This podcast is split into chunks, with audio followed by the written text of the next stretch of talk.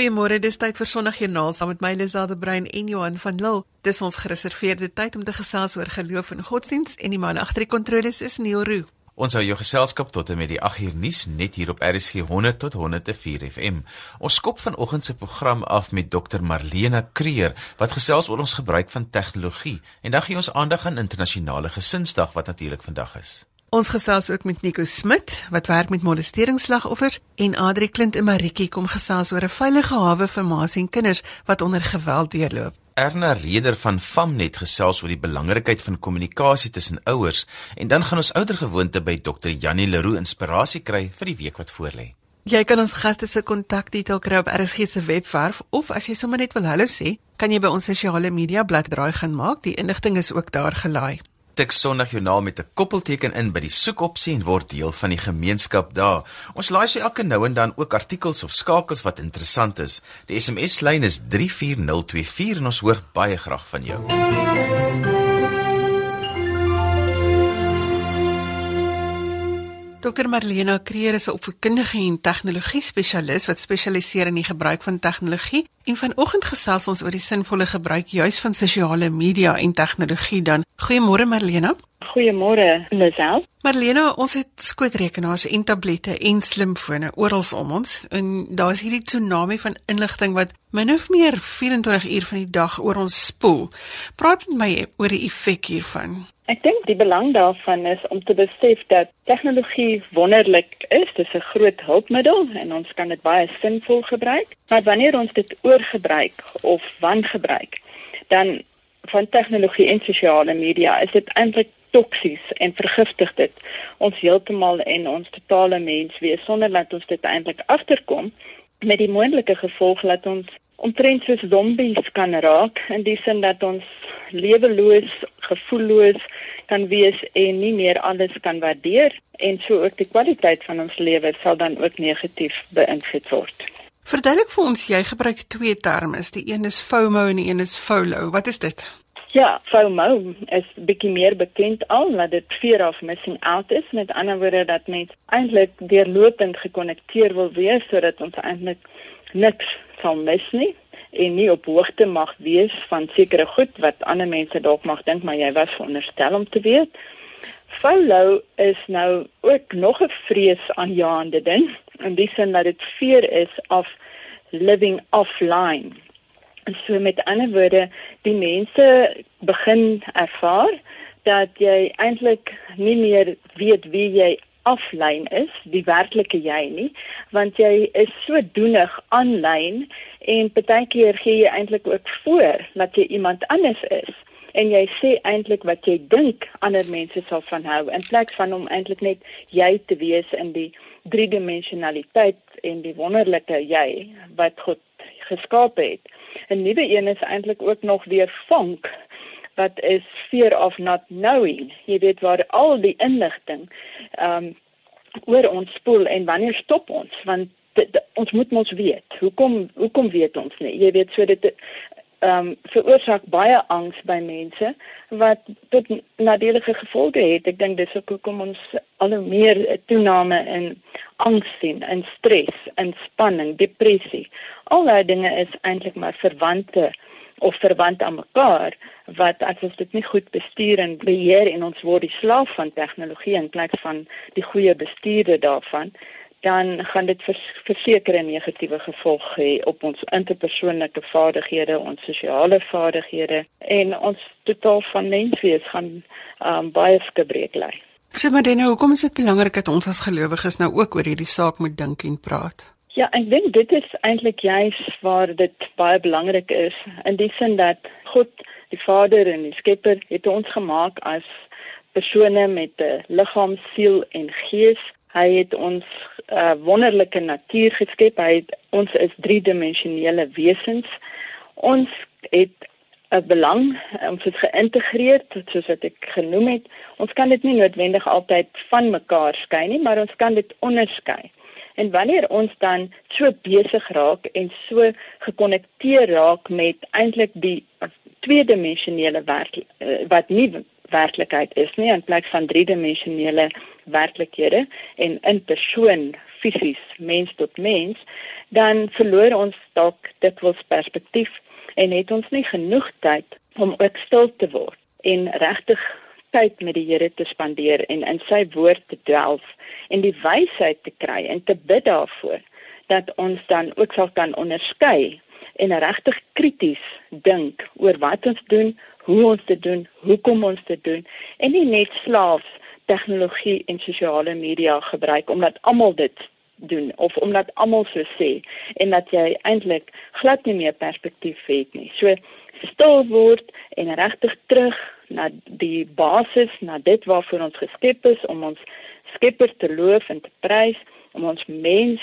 wees te aanvaar, um hoë prys daarop te stel en regtig met ons mense in ons direkte omgewings ook te konnekteer en nie um met te veel besig wees met goed wat nie regtig sinvol of waardevol is en tot die kwaliteit van ons menswees bydra nie dit is nogal vreemd is dat dat mense in die kerk sit en sien almal is op hulle selfone maar dan is hulle besig om die Bybel te volg en nie noodwendig om hulle boodskappe te na te gaan nie maar dit kan 'n mens ook nou nie verseker weet nie. Marlena gee vir ons 'n praktiese wenk of drie wat ons kan gebruik om te keer dat hierdie brander van tegnologie ons omslaan en ons verdrink veral vir ons wat wat regtig wil tyd maak om eerder by die Here uit te kom as om besig te wees met hierdie met hierdie vrees amper van om dan nou nie te weet wat aangaan in die wêreld nie. Ja, ek ek sou graag weer wil um beklemtoon die stil word tyd, ook die wakker word. Dit voel vir my op hierdie stadium um ek ek, ek het 'n behoefte daaraan om mense eintlik wakker te wil maak en te sê maar stop net met waarmee jy besig is en dink net krities hieroor. Gebruik jou goeie verstand op 'n ander manier en wees krities oor wat jy doen, hoekom jy dit doen. So daai stil word is krities belangrik dink ek vir ons totale menswees en in die toekoms. Ehm um, die ander een wat dan baie belangrik is is om weer met ons mense te konnekteer in ons gesinne, in ons by ons skole. Moenie pauses besig wees met selfone byvoorbeeld. Jy weet waar dit toegelaat word. Dit is tragies dat kinders dan eintlik nie meer met mekaar gesels en konnekteer nie. By die huis, daar's dalk min tyd vir aan tafel eet, byvoorbeeld of die selfone is langs die tafel en elke een kyk eintlik wat om deur. Mis hy dalk 'n WhatsApp? Wat gaan aan op Facebook? Hulle is met ander woorde mense is dan nie regtig in die hier en die nou en daai bewustelike mens wees van ek wil tyd maak. Ek wil met jou konnekteer. Jy wat hier by my is. Ek stel nie belang in al hierdie ander mense en dinge wat ook aangaan nie, want hulle is nie nou by my nie. So dit is baie belangrik. En dan is daar ook al um, iets beskryf soos um, nature deficit disorder waar eintlik ons heeltemal dan perspektief ook verloor wanneer ons nie genoeg tyd in die natuur deurbring en weer waardeer wat die Heer vir ons geskep het, die driedimensionaliteit daarvan, die ehm um, werklikhede van die skoonheid wat eintlik in die werklikheid is teenoor 'n tweedimensionele vlak of selfs nog 'n dalk net 'n eendimensionele vlak van tegnologie. So ons moet terug na die natuur, ons moet terug na die basis wees, back to basics as ek dit so kan stel en laat ons regtig waar weer konnekteer en net gewoon mens wees. Dit is die beste vir die kwaliteit wat ons graag wil beleef en moenie in ontkenning wees nie. En ja, verslawing ehm um, dink ek is nou al baie hoog op die agenda en mense besef dalk nie wanneer hulle alreeds op die pad is van verslawing aan tegnologie of sosiale media en hoe hulle reageer wanneer hulle dalk iets mis nie. So ja, terug na die natuur, terug na mense, konnekteer direk en eerste en die belangrikste, word stil, word wakker en vra vir wysheid dat ons kan onderskei en dat ons nie verlore raak in hierdie tsunami van inligting en golwe wat ons wil omslaan en of stadig maar seker vergiftig en ons glad eintlik nie eers meer agterkom hoe gevoelloos ons raak en hoe sonder sin ons raak en ja selfs die multitasking idee daarvan dis nie 'n werklikheid nie. Jy weet ons ons maak ons eintlik self heel waarskynlik minder produktief en dommer as wat ons dink ons word slimmer en meer produktief wanneer ons gelyktydig op kognitiewe take probeer konsentreer. Marlena, as mense wil gaan oplees hieroor of net weer wil lees oor dit wat ons nou gesê het, het jy iewers 'n webwerf waar ons al hierdie feite uiteensit? Ja,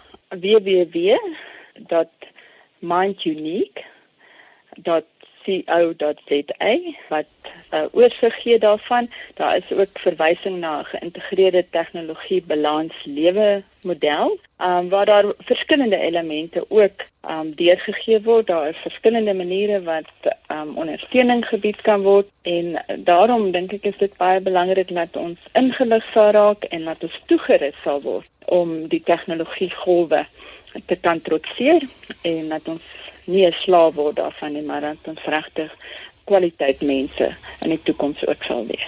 Marlene, dankie vir die saamgesels vanoggend. Baie dankie.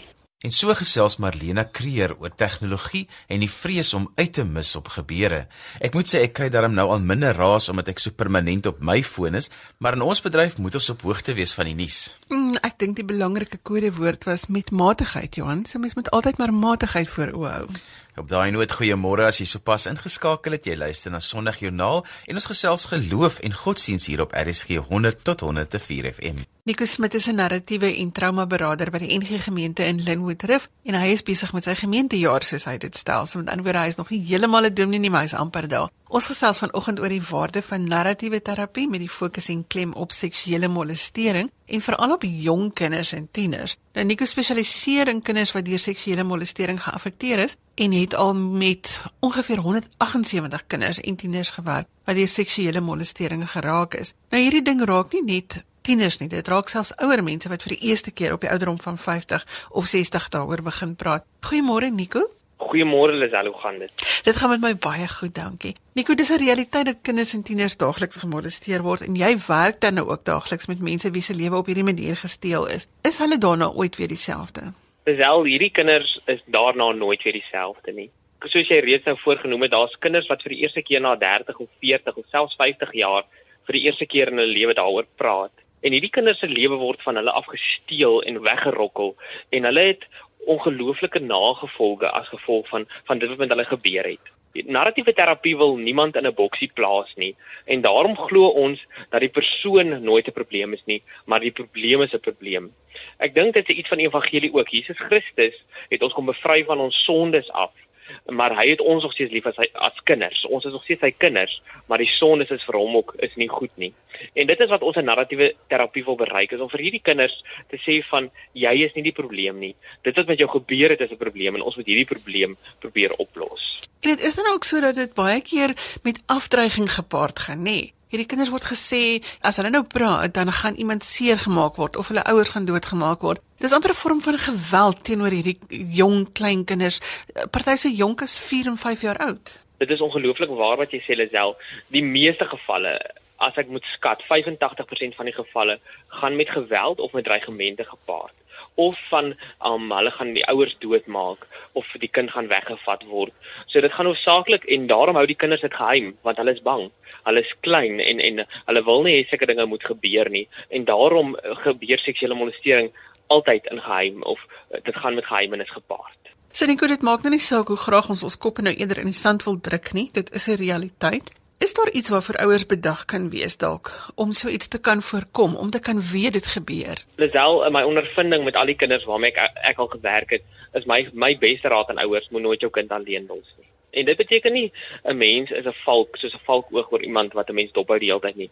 Maar om seker te maak as jy jou kinders by iemand los dat jy daardie persoon met jou hele lewe kan vertrou. Maar dit is ook so dat 'n mens dalk iemand kan vertrou en dan gebeur dit nog steeds.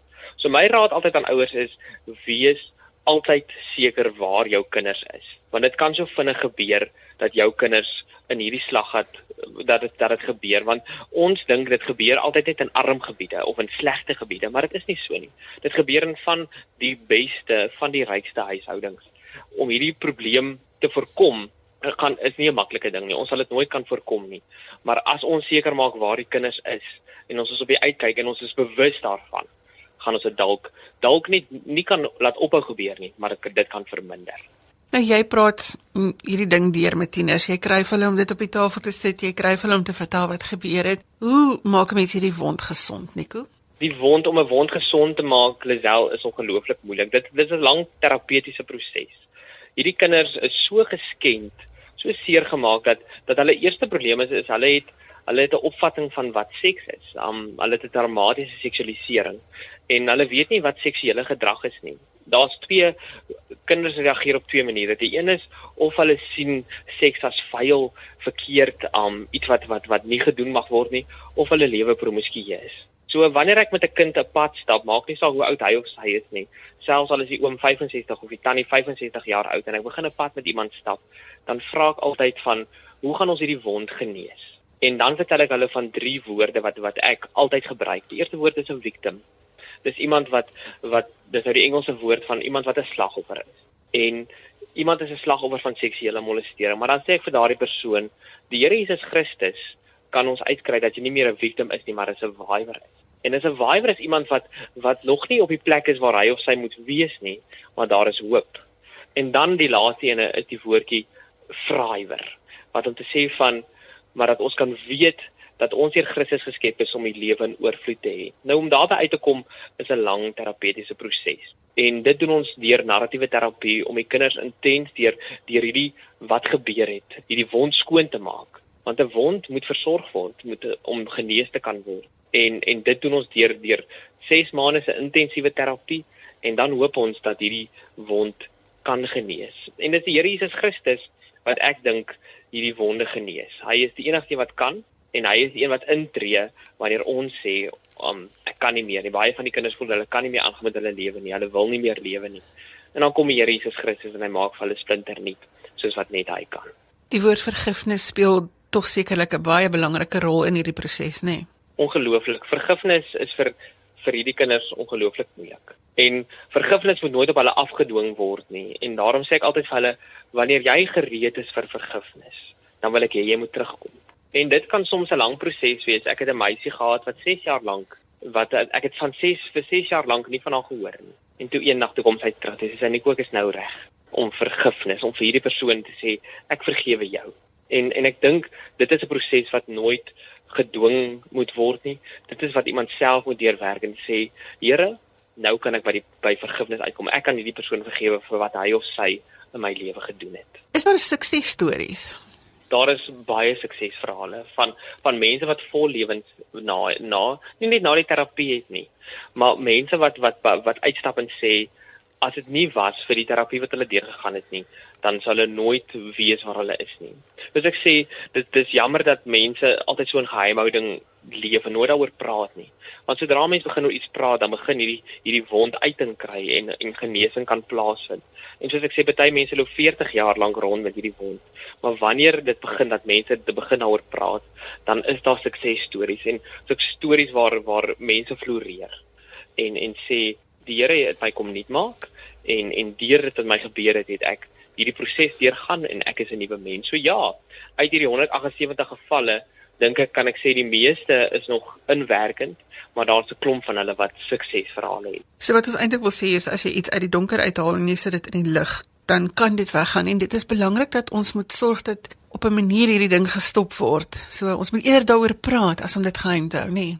Ja, ons ons trek die dekmantel altyd daaroor en ek weet 30 of 40 jaar terug het 'n mens glad nie oor sulke dinge gepraat nie. Dit was taboe geweest. En ons het ophou 'n dekmantel daaroor trek en sê, kom ons praat oor hierdie dinge. Kom ek vertel my kinders van wat hierdie waarheid is.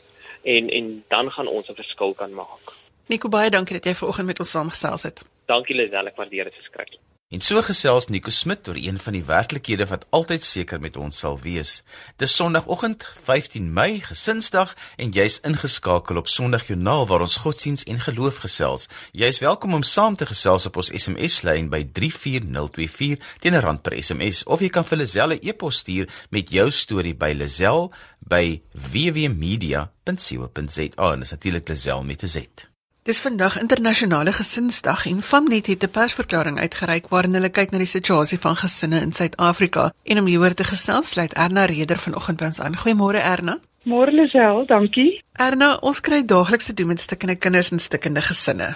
hier oor die afgelope tyd het ons 'n hele paar het ek van 'n hele paar goed gehoor. Jy weet nie ek is in Pretoria en onlangs was daar 'n pastoor wat vermoor is deur haar skoonseun as gevolg van gevegte rondom die versorging van eintlik kinders. Daar was ander tipe van situasies ook waar ehm um, onlangs het 'n pa wat sy kinders wat reëlings betref om sy kinders te sien, het die ma en homself en die ma se nuwe man en nog die maatskaplike werk ook almal vermoor. Ons hoor van selfmoord wat gebeur as gevolg van ongelukkigheid binne gesinne en die kinders wat hier wil wees of daar jy weet daar daar is net soveel goed rondom kinders wat spanning beleef en dan die ouers daarmee saam oor by wie is die kinders nou eintlik en wat is nou die die beste versorging vir hulle en dit is net verskriklik om te sien dat kinders in die middel is van 'n toutrekkery oor toegang van ouers tot hulle kinders en die versorging, die beste versorging van die kinders. En dit is goed wat my verskriklik raak en my verskriklik ongelukkig maak,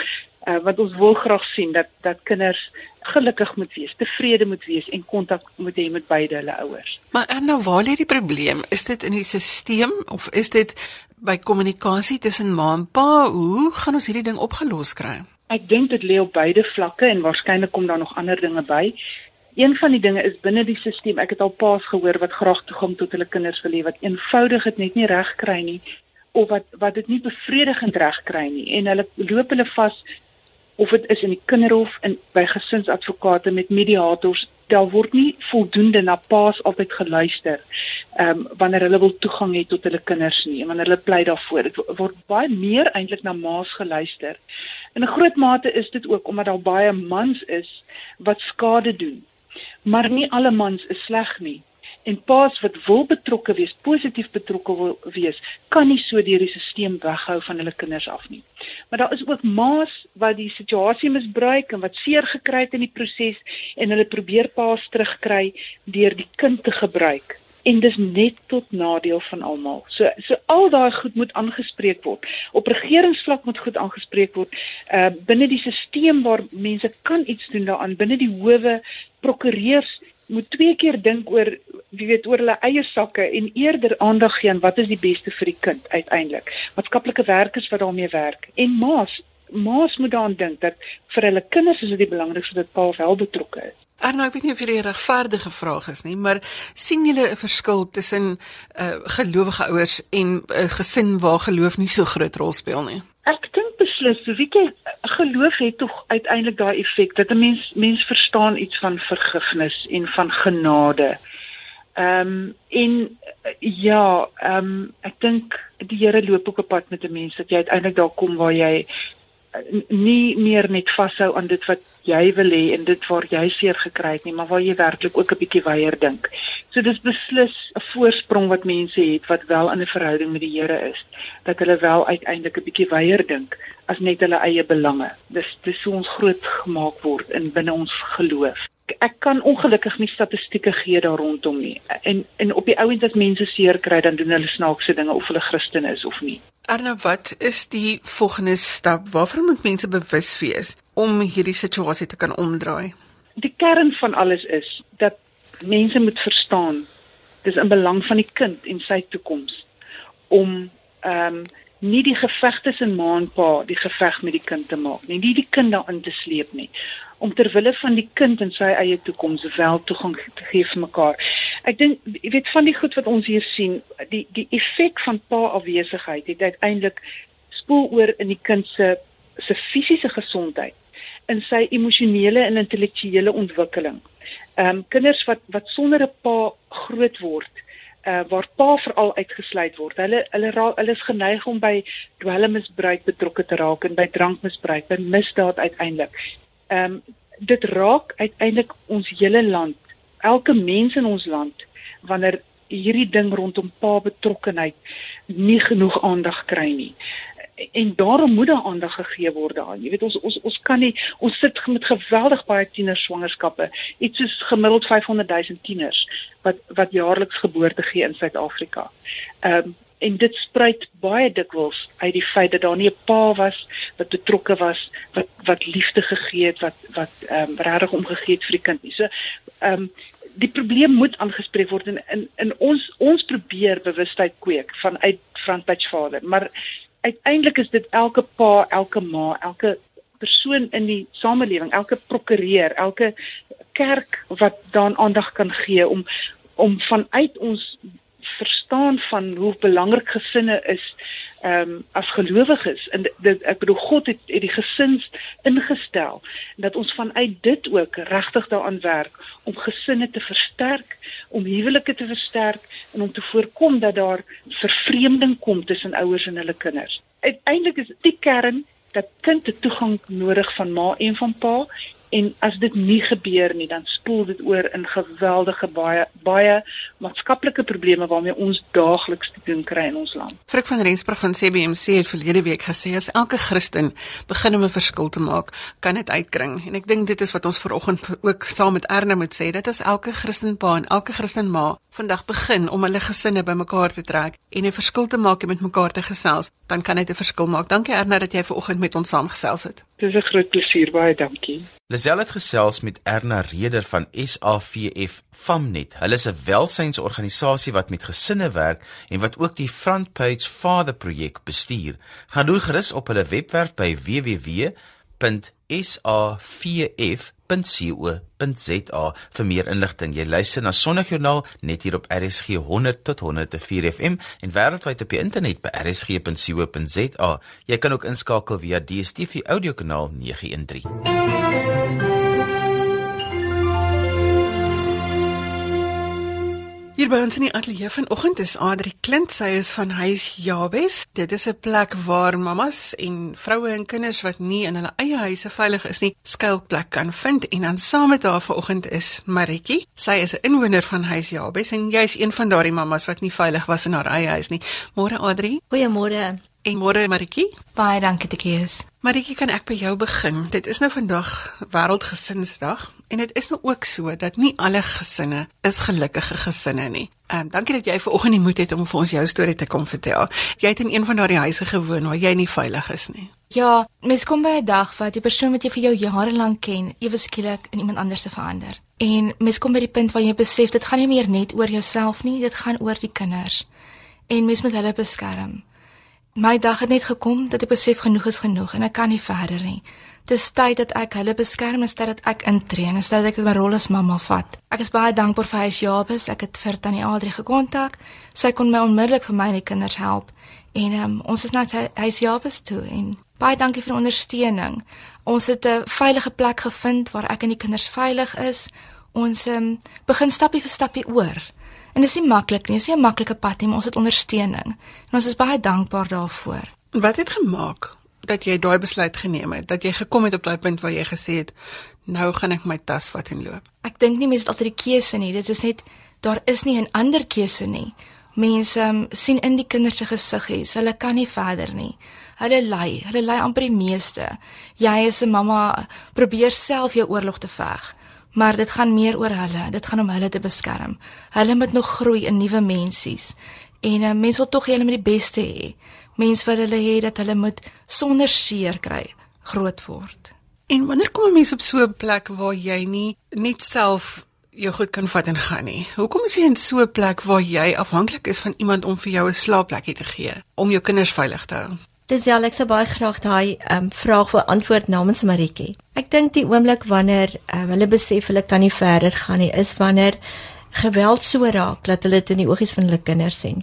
En dit was in Maritjie se geval um ook al aanwesig gewees waar sy besef het haar kinders het geen kontak met die pa nie en dat eh, dit wat sy en hulle doen is is nie goed vir hulle nie. Um die kindertjies kom regtig daaraan versla met hartseer oogies in die maas kom lewensmoeg by ons aan. Ehm um, ek dink op daai stadium, hoekom hulle nie regtig vroeër al gegaan het nie, is omdat hulle al heel moontlik 'n paar keer by familielede was of wat mense hulle probeer help het. Maar geweld in die huis is nie net altyd fisiese geweld nie. Dis baie keer baie subtiel. Dis finansiële geweld. Goed word weggeneem van haar, die motor, die selfoon, ehm um, geld. Sy het letterlik nie geld op haar selfoon om iemand te bel en te sê kom haal my nie. So hulle het 'n gevoel van niks werd. Ek beteken niks. Dis belangrik dat 'n mens moet weet daar is verskillende forme van geweld, nê. Nee, sê jy loop nie noodwendig met die blou kolle van 'n vuishout in jou oog nie. Ehm um, dit is 'n dit is 'n subtiele 'n subtiele ding wat gebeur. Ja, ek dink die blou kolle is baie keer eers teen die einde. Dit begin by finansiële geweld, dan dan by emosionele geweld waar jy jou vloek en waar jy afgekraak word, niks meer werd is en dan ontaard dit uiteindelik in in um, gewelddadige geweld. So jy moet mooi kyk daarna. Baie keer sal vrouens ons skakel en sê hy slaan my nie, maar hy ehm um, sluit my toe in die badkamer vir 'n nag of uh, sulke tipe goed wat wat sy eintlik dink is oukei. Okay. Dit is nie. Ja, veral met al die goeters wat nou in die media is, hoe daar geweld teen vroue is en ek is seker hierdie geweld is ook teenoor mans teenwoordig. Maar vandag fokus ons nou spesifiek op op mammas en kinders. Adri, maar dis nou waar jy inkom, nê? Nee. Hier is nou 'n plek van veiligheid en dank Vader dat daar 'n plek van veiligheid is dat dat vroue wat wel nou van al hierdie dinge ontneem is dat hulle iewers heen kan gaan. Ja, in 2008 het ons begin met huis Jabes en sedertdien fokus ons op die vrouens en kinders wat op die oog af baie goed versorg en uh, modern aangetrek is. Hulle kom by ons in, maar ongelukkig is hulle hart en hulle lewens se stuk. En vanaand is daai gordyne in die mooi huis toegetrek word, dan ehm um, hier is daar beklemmende gevoel van wanhoop en vrees in daai vrouens. So uh, dit was ons fokuspunt om om vrouens wat nooit oor dit sal praat nie, waarvan hulle families nie eers weet nie om hulle te kan help. En die belangrike is dat hier nou 'n holistiese ding moet gebeur, nê? Nee? Want nou moet mamma en kinders moet gesond word, maar mamma moet werk kry, kinders moet skool toe gaan. Dit kan nie ophou nie. Ja. Aanvanklik het ons gedink dat 'n termyn van 3 tot 6 maande is genoeg, maar dit is nie. As gevolg van die holistiese benadering wat ons volg, is dit dat die ma moet ons moet hulle baie keer weer leer om hulle menswaardigheid terug te kry. Ons leer haar om kos te maak en om om te weet sy sy kan haar kind versorg as hy siek is. Ons is daar om hulle weer op 'n pad te kry van dat God altyd daar is vir hulle en en net daai selfwaarde van ek is ek is dit werd om 'n ma te wees en hierdie kinders is al wat ek het en, en hulle het net vir my. So 3 tot 6 maande is te kort baie keer vir ons. Ons ons kan hulle nie net weer op 'n stadium besluit jy's nou 3 maande hier en nou moet jy gaan nie. Dit dit kan ongelukkig nie so werk nie, ja. Want dan moet 'n ander huisvesting gekry word Precies. en en as hulle nou weer op hulle voete is, dan word hulle ook gehelp nie want jy kan nie net nou na 'n leë woonstel toe trek nie. Ja, ons ehm um, is baie keer in 'n in waar waar daar depositos op woonstelle moet betaal word. Dit is die maat nou begin werk. So sy moet nou dadelik 2 maande se deposito neersit vir die vir die woonstel en meubels ek meen hulle kom regtig daaraan. Baie keer in duur motors maar met 'n paar plastiek sakke is hulle besittings ingepak. En sy moet alles agterlos om met die hoop dat hy se Jabes vader beter toekoms gaan skep. So dit's letterlik elke teelepel moet weer vervang word in hy huis. Elke bakkie, alles moet gedoen word. Ons probeer ook vir hulle help met meubels of skenkings wat ons kry. Maar dit is ook nie altyd maklik nie omdat ons baie beperkte ruimte het. Dis duur. Ons het stoorruimtes gaan huur. En ons het ook nie altyd geld om daai om dit per maand te betaal en en af te staan vir mense wat binnekort die huis moet verlaat nie. En dis die belangrike ding hiervan, dis eintlik 'n diens wat jy lewer, nê, en jy is heeltemal uitgelewer aan mense wat nou weer vir julle help om hierdie diens te lewer. Ja, die hele projek is afhanklik van mense daar buite, mense met goeie harte, mense wat 'n verskil wil maak. Ons kry geen befondsing nie, so dit gaan veral in die ekonomiese tyd maar baie swaar. Maar ons kyk op na bo en ons glo daar gaan hulp vandaan kom. Marieke, as jy nou 'n boodskap het vir iemand wat vanoggend luister wat wel in so 'n situasie is. Wat is daai een ding wat jy vir hulle sal sê, dis wat jy moet doen? Ek dink nie is 'n maklike besluit nie. Ek dink net mens weet dat dis streekie vir treekie en trappie vir trappie. Daar is hoop daar buite. Daar is hulp daar buite. Daar is mense en geleenthede en mense wat jou hand wil vat en 'n pad met jou wil stap. Um op mense eie kan mens nie altyd nie. Dis regtig die Here en mense wat op jou pad gebring word wat jou help en wat jou leiding gee. Wat ek regtig kan sê is daar is lig aan die einde van die tonnel. Daar is 'n bietjie hoop, daar is krag, daar is weer nuwe lewe. En dit is net om my stappie te vat, net daai dis groot verandering, dis uit jou gemaksone uit. Maar vir jy, dis nuwe lewe. Dis 'n nuwe begin.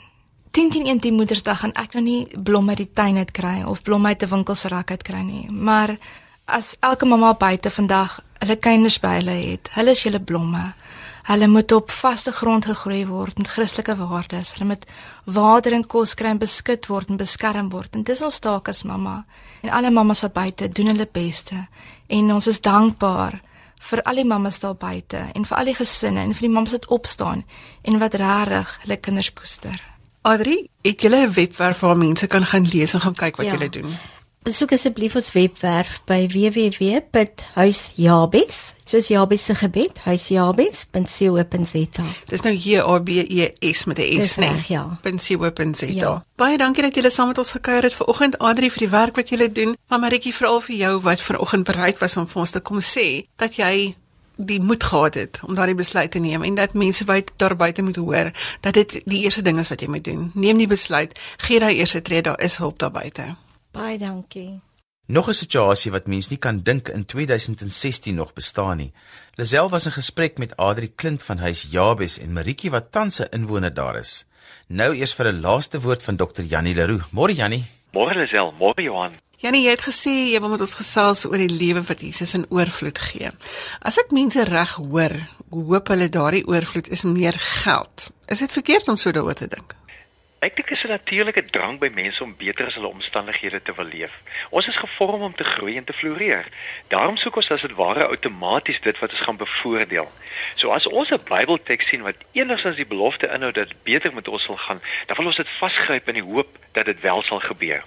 Die advertensie sterk ons drang tot 'n beter lewe.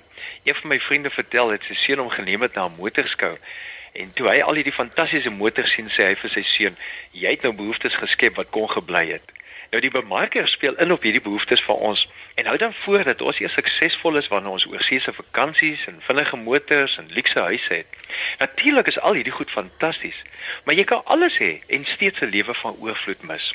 Oorvloed begin nie buite nie, dit begin van binne. Dit begin by die lewe in jou deur die gees wat Jesus jou kom gee. Jesus het in Johannes 10 vers 10 gesê: "Ek het gekom sodat hulle lewe kan hê en dit in oorvloed." Let daarop, die klem is nie in die eerste plek op die oorvloed nie. Jesus het nie gesê ek het gekom dat julle oorvloed net 'n materiële sin kan hê nie. Hy self was 'n sprekende voorbeeld van iemand wat eenvoudig geleef het. So as God die klem op oorvloed wou plaas soos ons dit wens, sou Jesus in 'n paleis gebore wees. Maar Jesus kom lewe gee in oorvloed, meer as wat ons ooit kan dink. Dit begin by 'n lewe wat vir ewig en altyd saam met God is. Vanaf die oomblik wat jy vir Jesus kies, met Pinkster word dit juis 'n werklikheid, omdat God die Heilige Gees gestuur word en in ons woon. Werklike oorvloed is om altyd saam met God te wees. Lewe in oorvloed is om nooit weer die gevoel te hê dat God afwesig is nie. Lewe ervaar jy in oorvloed as jy oorweldig en gekoester voel deur God se intense liefde vir ons. Dit doen die Heilige Gees wat in jou woon. Lewe in oorvloed is dat niks ons van die liefde van God en Jesus kan skei nie. As iemand dink om verlief te wees, is 'n wonderlike gevoel. Dink dit net eksponensieel baie meer liefdevol saam met God en dis vir ewig. Dis om heeltyd die chemie van genade te ervaar. Maar is dit aanvaarbaar dat ons tog wel kan vra vir seën en oorvloed eh, op aardse oorvloed? Byvoorbeeld as ons nou kan vra vir finansies. 'n Mens kan enigiets vir God vra. God behou egter die diskresie om te sorg, soos God dit goed dink. Van die, die Bybel en ook ons hedendaagse lewe weet ons dat God sommige mense uitermate geseën het met finansiële voorspoed en nog steeds doen. Maar God meet nie ons liefde vir Jesus aan hoeveel seëninge hy ons gee nie. Mense moenie dink diegene wat finansiëel meer het, is baie meer geliefd deur God nie. God meet ons liefde aan ons daaglikse toewyding aan Jesus. Daarom leer Jesus ons juis om elke dag te bid vir ons daaglikse brood. Lewe in oorvloed begin by die raaksien van die voorsiening van God. Dis om dankbaar te wees vir elke ding wat ons sien en beleef as God se teenwoordigheid in ons lewe. Want lewe in oorvloed is om te weet niks kan my skei van hierdie liefde van God nie. Die Heilige Gees is in my. Nou help die Heilige Gees my om na 'n blom te kyk en dit herinner my aan God. En dis oorvloed lewe. Of ek kyk na 'n wonderlike teks en die Gees herinner my aan God se genade, of iemand wat vir my glimlag of 'n liefdevolle omhelsing.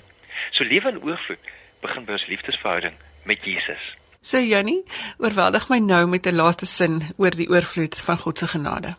Lewe in oorvloed is om die liefde van Jesus in en deur jou te laat vloei. Dankie Jannie. Ons gaan met daardie gedagte in hierdie week. Laat Jesus se liefde deur jou vloei. Ons kan meer van Jannie lees by www.jannieleroux.co.za of jy kan met Jannie in gesprek tree as jy wil by jannie@jannieleroux.co.za. Dankie Jannie vir die saamgesels. Baie dankie Lisel, dit was heerlik soos gewoonlik.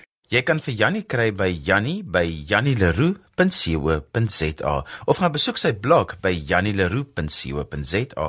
Ons moet groet. Volgende Sondag is ons weer hier op dieselfde tyd met nuwe stories uit die wêreld van geloof en godsdiens. Stuur vir my e-pos as jy jou storie met ons wil deel by Lazel by www.media.co.za. Dis Lazel L E Z E L L E by www.media.co.za. Ons gaste vanoggend was Marlena Creer, Erna Reder, Nico Smit en Adri Klint saam met Maritjie van Huis Jabes. Ek groet tot volgende week. Totsiens. Ek groet ook namens produksieregisseur Neil Roo agter die kontroles. Tot later vandag wanneer ek weer inskuif agter die mikrofoon vir ons in die onderwys van my Johan van Lille. Totsiens.